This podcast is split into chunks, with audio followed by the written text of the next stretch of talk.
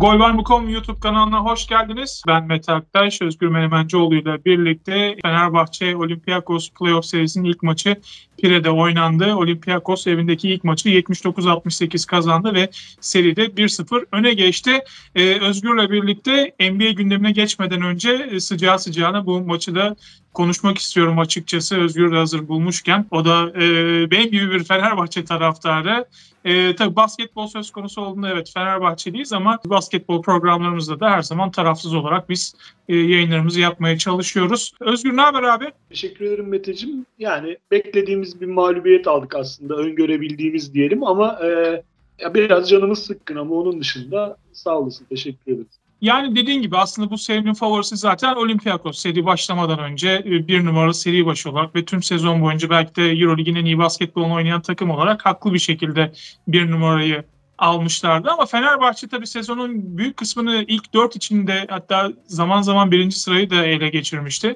İlk dört içinde yer alan bir takım olarak aslında farklı bir sekizinci sıra profili e, izliyor. Son bir iki haftada yaşanan çöküş hani biz 4-5 eşleşmesinde acaba Monaco'yu bulabilir miyiz diye düşünürken e, bir anda 8. sıraya kadar inmişti ama dediğim gibi sezonun geneline baktığımız zaman Fenerbahçe hem kadro yapısı itibariyle hem de oynadığı basketbol ve dediğim gibi sezonun genel kısmında daha üst sıralarda yer aldığı için aslında e, hani standart bir 8 numara takımı değil. E, dolayısıyla hani evet Olympiakos elbette favoriydi. Normal sezondaki iki maçta tabii moral bozan iki yenilgi almıştı Fenerbahçe ama sonuçta burası playoff ve farklı bir atmosfer ve Fenerbahçe'de o e, iki maçta özellikle Pire'de oynanan ilk maçta çok eksikle Olympiakos karşısına çıkmıştı.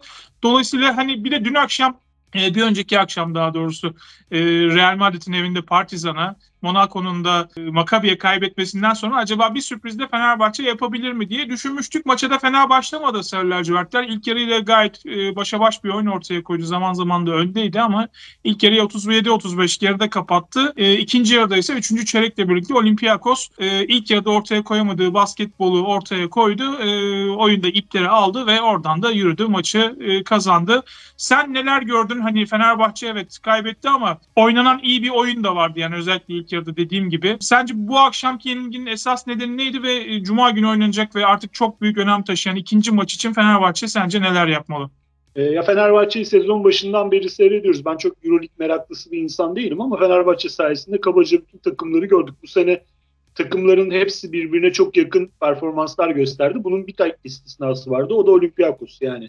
E, bence sezonun açık ara en iyi takımıydı. Makine gibi bir takım yani karşındaki ve hani bu şeyi çok geliştirmişler. Yani kendi oyunları üzerinde çok geliştirmişler. Topu çok iyi döndüren bir oyuncu. Kimya şey takım. Kimyası çok iyi bir takım.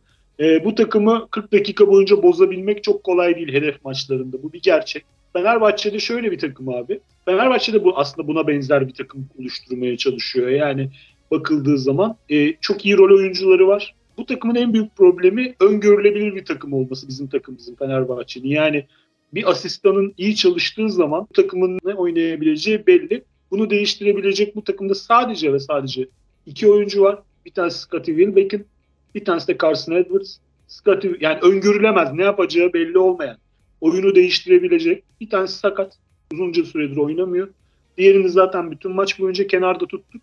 Böylece e, çok iyi oynamak zorunda olan bir, çok yüzdeli atmak zorunda olan bir takımla e, sahada olmak zorunda kaldık. E, bu takım iyi attığı zaman kaldık maçta e, ama hedef oyuncular mesela Tyler Dorsey gibi bir oyuncunun sıfır çektiği bir maç. E, Kalates'in bence sezon başından beri oynadığı en kötü maçlardan bir tanesi. E, çünkü Kalate çok öngörülebilir bir oyuncu. Aslında takımın bu şeyinin temelinde bu var ve rolü yavaş yavaş backup point guard olmaya doğru evrilmesi gereken bir oyuncu. Yani 10-15 dakika.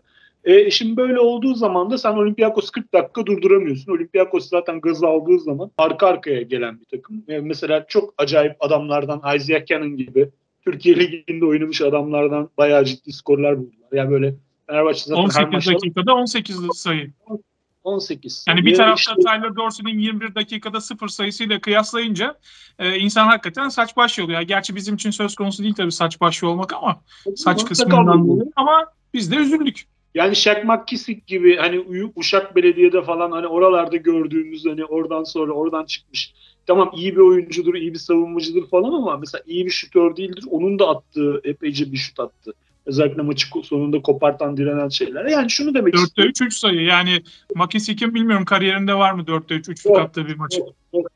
Kenan'ın da öyle. Yani e, şu şöyle söylüyorum. Yani Olympiakos zaten çok iyi bir takım abi. Yani bence Olympiakos'a karşı takım fena oynamadı bugün ama mükemmel yani bu kadroyla mükemmel oynamak zorundasın. Çok iyi bir şut gecesi geçirmek zorundasın. Yani 25 Ki dakika Olympiakos- yetmiyor. Olympiakos gibi takımlara karşı 40 dakikayı oynaman gerekiyor. Yoksa yani sonuçta bir vites atıyorlar adamlar ve işte yani her şey bir yana maçın son 6-7 dakikasında e, as oyuncularını dinlendirdiler yani ve cuma gününe dinlenmiş çıkacak takım. Yani Evet. şunu demek istiyorum ne olursa değişir. Yani şöyle bir şey var yani koçumuzun bizim kafasında bir oyun oyun planı var. E, işte her şeyi switch eden o yüzden Carson Edwards'ı çok oynatmıyor. E, çünkü sürekli uzun kısa kaldıkları için başından beri böyle zaten. Yani saygı da duymak lazım ama e, yani artık hani ölmüş eşek kurttan korkmaz diye bir şey var. Yani cuma günü artık e, şey yaparsan 2-0 gelirlerse buraya 3-0 da olabilir bu seri. Onun için artık hani bir şeyin şu ana kadar yaptığımız bir şeyi değiştirmek, e, enerji koymak zorundayız bu takımı. E, biraz belki daha cesur kararlar alınabilir Cuma günü. E, maçın gidişatına göre özellikle yine aynı 5'te başlayacaktır. Hı hı. Ama biraz daha yani Şeyh Muz'un Melih'e atacağı yere yani bir Fenerbahçeli olarak söylüyorum. Yani direkt instant score'a Vinnie Johnson vardı eskiden microwave. Girer girmez sayı atan. Onun gibi bir oyuncum varken biraz daha fazla süre vermek doğru olabilir. Şahsi görüşüm ama koç kadar basketbol bilmiyoruz tabii ki. Ya. O yaşıyor şeyle beraber ama benim gördüğüm budur. Yani benim de en büyük e, dileğim bu arada Wilbeck'in ikinci maça yetişebilmesi. Yani öyle bir olasılık var. Yani ilk maçta da oynama olasılığı vardı ama şeye Yunanistan'a götürüldü ama e, maç öncesinde son karar verilecekti. Son anda herhalde oynamamasına karar verildi. Belki ikinci maçta e, oynarken görebiliriz ama senin de dediğin gibi yani bir aydır oynamıyor Wilbeck'in ve playofflarda hani e, konsantrasyon düzeyinin ve sertlik düzeyinin bir kademe daha yükseldiği bir ortamda bir aydır maç yapmamış bir Wilbeck'inden de hani çok fazla bir şey beklemenin e, hayalcilik olabilir. Dolayısıyla yine düzen içinde yine belki bugünkü işte başladığı rotasyonla ama dediğin gibi oyunda belki zaman zaman çeşitlilik yapılabilir. Hani e, çok tahmin edilebilir bir takımız evet. Yani bazen tahmin edilebilir takımlar vardır ama o tahmin ettiğin şeyi durduramazsın. Mesela işte Carmelo John Stockton ikilisinin ne oynayacağını 20 sene takımlar ne oynayacaklarını bildiler ama durduramadılar. Biz öyle bir takım değiliz ama o yüzden zaman zaman belki kaos basketboluna dönebiliriz. Yani bir iki farklı hamleyle e, rakibi şaşırtacak bir hamle yapabiliriz. Carson Edwards o hamle olabilirdi. Bu maç özelinde de olabilirdi. Yani ben Twitter'da yazdım. İnsanlar biraz hani Carson Edwards 6 sayı 4 dakika, Tyler Dorsey 0 sayı 21 dakika e, yazmamı biraz e, garipsediler belki ama hani burada benim anlatmaya çalıştığım Carson Edwards evet belki e, crunch time'da değil de attığı sayılar ama sonuçta bunu yapabilecek bir oyuncun var elinde. Ortalığı karıştırabilecek, biraz farklı bir ritim getirebilecek bir oyuncun var ve Isaiah Cannon çok iyi oynarken e, hani evet uzun kalmak istiyor ama Carson Edwards gibi çok kalıplı ve kalın ve e, kuvvetli bir oyuncu belki Isaiah Cannon'ın savunmasında da kullanılabilirdi. Yani bunu anlatmaya çalışmıştım ben bu arada. Neyse yani 25 dakikalık iyi oyunun yetmediğini gördük ama en azından e, normal sezondaki iki maça nazaran tabii çok daha iyi oynamış olmak bile Fenerbahçeliler açısından bir umut Evet. verdi herhalde ikinci maç öncesi. Yani dileriz ikinci maçta farklı olur çünkü 2-0'la gerçekten e, buraya dönülürse e, hani umutlarımız çok az. Çünkü ben e, hani Twitter'da da yazdım daha önce Pazartesi günü Hava Atışı Euroleague programında da bahsettim tarihsel verilerden. 2004-2005 sezonundan beri yani Euroleague'de playoff düzenine geçildiğinden bu yana 79 playoff serisinde 2-0 e, öne geçen takımlar hiç kaybetmemiş e, seriyi. Hani Fenerbahçe 2-0'la buraya dönerse tarihte bir ilk olmak için e, mücadele edecek. 3-2 seriyi çevirmeye çalışacak. Yani işimiz kolay değil ama e, yani umudumuz da var diyebiliriz herhalde. Evet çok çok sakatımız var. Çok verim alamadığımız oyuncu var. Beklentilerin altında oynayan çok oyuncu var. Ee, işte Bielitsa hiç yok ortada. Yani sezon başından beri yok ve asıl ana plan oyuncumuz bizim Bielitsa. Yani üzerine takım kurulan oyuncu ve aynı zamanda bütçe yiyen bir oyuncu Tabii. yani. E, e, onun, o olduğu için yerine kaliteli uzun getiremiyorsun o varken yanına. E, bunun gibi bir takım şeyler var. E, Booker gibi bir adam bütün sezon boyunca eleştirildi. Olmaması bence çok büyük bir problem. Booker bugün olsaydı hatta şey maçında bile e, Kızıl Yıldız maçında olsaydı kesin kazanmıştık yani. Net söylüyorum. O kadar ya bir kere e, şey. ekstra yani bir kadar... uzunun olacak. Yani Booker evet eleştirilere rağmen kaliteli bir uzun. Yani bir şekilde kullanacağın rotasyona ekleyeceğin uzun rotasyonunda sana bir 5 dakika 10 dakika verebilecek. Hani oradaki yükü en azından azaltmasıyla işe yarayacak bir oyuncuydu. Ondan da faydalanamıyorsun. Yani bilmiyorum İstanbul'da e, Booker oynayabilecek mi? Onun da İstanbul'daki e, maçlarda oynama olasılığının olabileceği söyleniyordu ama e, bilmiyorum nasıl gelişti son durum. Yani işte son sözüm şu olsun bu seriyle ilgili. Yani Hı-hı. Olympiakos'la maç oynadığınız zaman diyelim ki çok iyi bir iki periyot oynadınız ve 20 sayı öne geçtiniz. Olympiakos oradan gelir. Yani hani hiçbir hiç konsantrasyonunuzun düşmemesi lazım. Yani evet. maçı son dakikaya kadar yani son periyodun 4 dakikasına 15 sayıyla falan getirirseniz belki bu maç garanti denir yani. Onun için hani biz ilk yarıyı çok iyi oynadık. O yüzden bravo şak şak şak değil. Olympiakos'un zaten oyun planlarında bunlar var yani. Vezenkov'u bir şekilde durdurabildi takım bugün. Diyelim ki bir miktar yani. E, diğer adamlar ortaya çıktı bu sefer de. Yani hani bunlar plan çerçevesinde yapılıyor ve şöyle de bir durum var. E, şu anda asistanlar şeyi çalışıyorlar yani. Rakibin bugünkü maçlarını çalışmaya başladılar bile yani.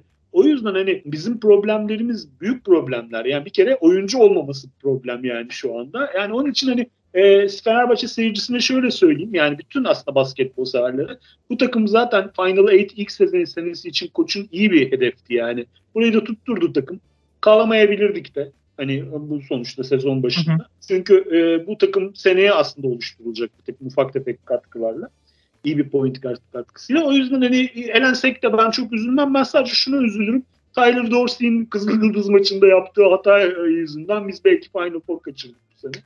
Ona üzülürüm sadece yani. Yapacağım diyeceğim şey bu olur Mete. Evet çünkü o maçı kazansak hani bir kez daha belki e, bilmeyenler vardır hatırlatalım. Monaco ile eşleşecekti Fenerbahçe. Kızıldız maçını kazansaydı kendi göbeğini kendi kesecekti ve e, şu anda Maccabi'nin deplasmanda 1-0 önde olduğu e, Monaco karşısında bir seri oynayacaktık. O fırsatı kaçırdık. Onun yerine Olympiakos'la eşleştik. Yani e, ben de dediğine katılıyorum. Fenerbahçe'nin e, aslında misyonu bu sezonki yeni oluşturulmuş 8 tane yeni oyunculu bir kadro için e, playoff'ları yapmaktı. Yani sezon başında hepimizin aslında konuştuğu mutabak e, mutabık kaldığı nokta buydu. E, ama hani tabii takımın iyi gidişi, sezona çok iyi bir başlangıç yapması Final Four seslerini yükseltmeye başladı ve şu anki hani e, Final Four'un altı her şey başarısızlık olarak kabul edilecek bir kere. Bu Fenerbahçe camiasında açık çok belli bir şey. E, ama sezon başındaki e, konulan hedefler ve e, baktığımız zaman bence aslında hedefler tutturulmuş vaziyette. Dediğin gibi önümüzdeki yaz yapılacak hamlelerle bu takım e, zaten çekirdeği belli, kaliteli bir çekirdeği var. E, Final Four için bir aday olacaktır. Hatta şampiyonluk için yani unutulmasın ki bugün karşılaşılan Olympiakos'ta 3 senelik bir e, proje sonunda buraya gelmiş bir takım ve geçen sezon bu takım Final Four yapmış bir e, ekip olarak e, 8 oyuncusunu da barındırıyor. Yani hem oraları oynamış oyuncuları var, tecrübeliler biliyorlar buralardan nasıl oynandığını biliyorlar. Şampiyonluk tecrübesine sahip e, işte Sulukas gibi bir isim de var. Bu sezon Fenerbahçe'nin sezonu olmayabilir ama önümüzdeki sezon bence çok farklı bir Sarı Lacivert'li ekip izleyeceğiz diye düşünüyorum. Diyeyim burada kapatalım Euroleague kısmımızı. Bu maçı da konuşmuş olduk. Geçelim NBA'ye.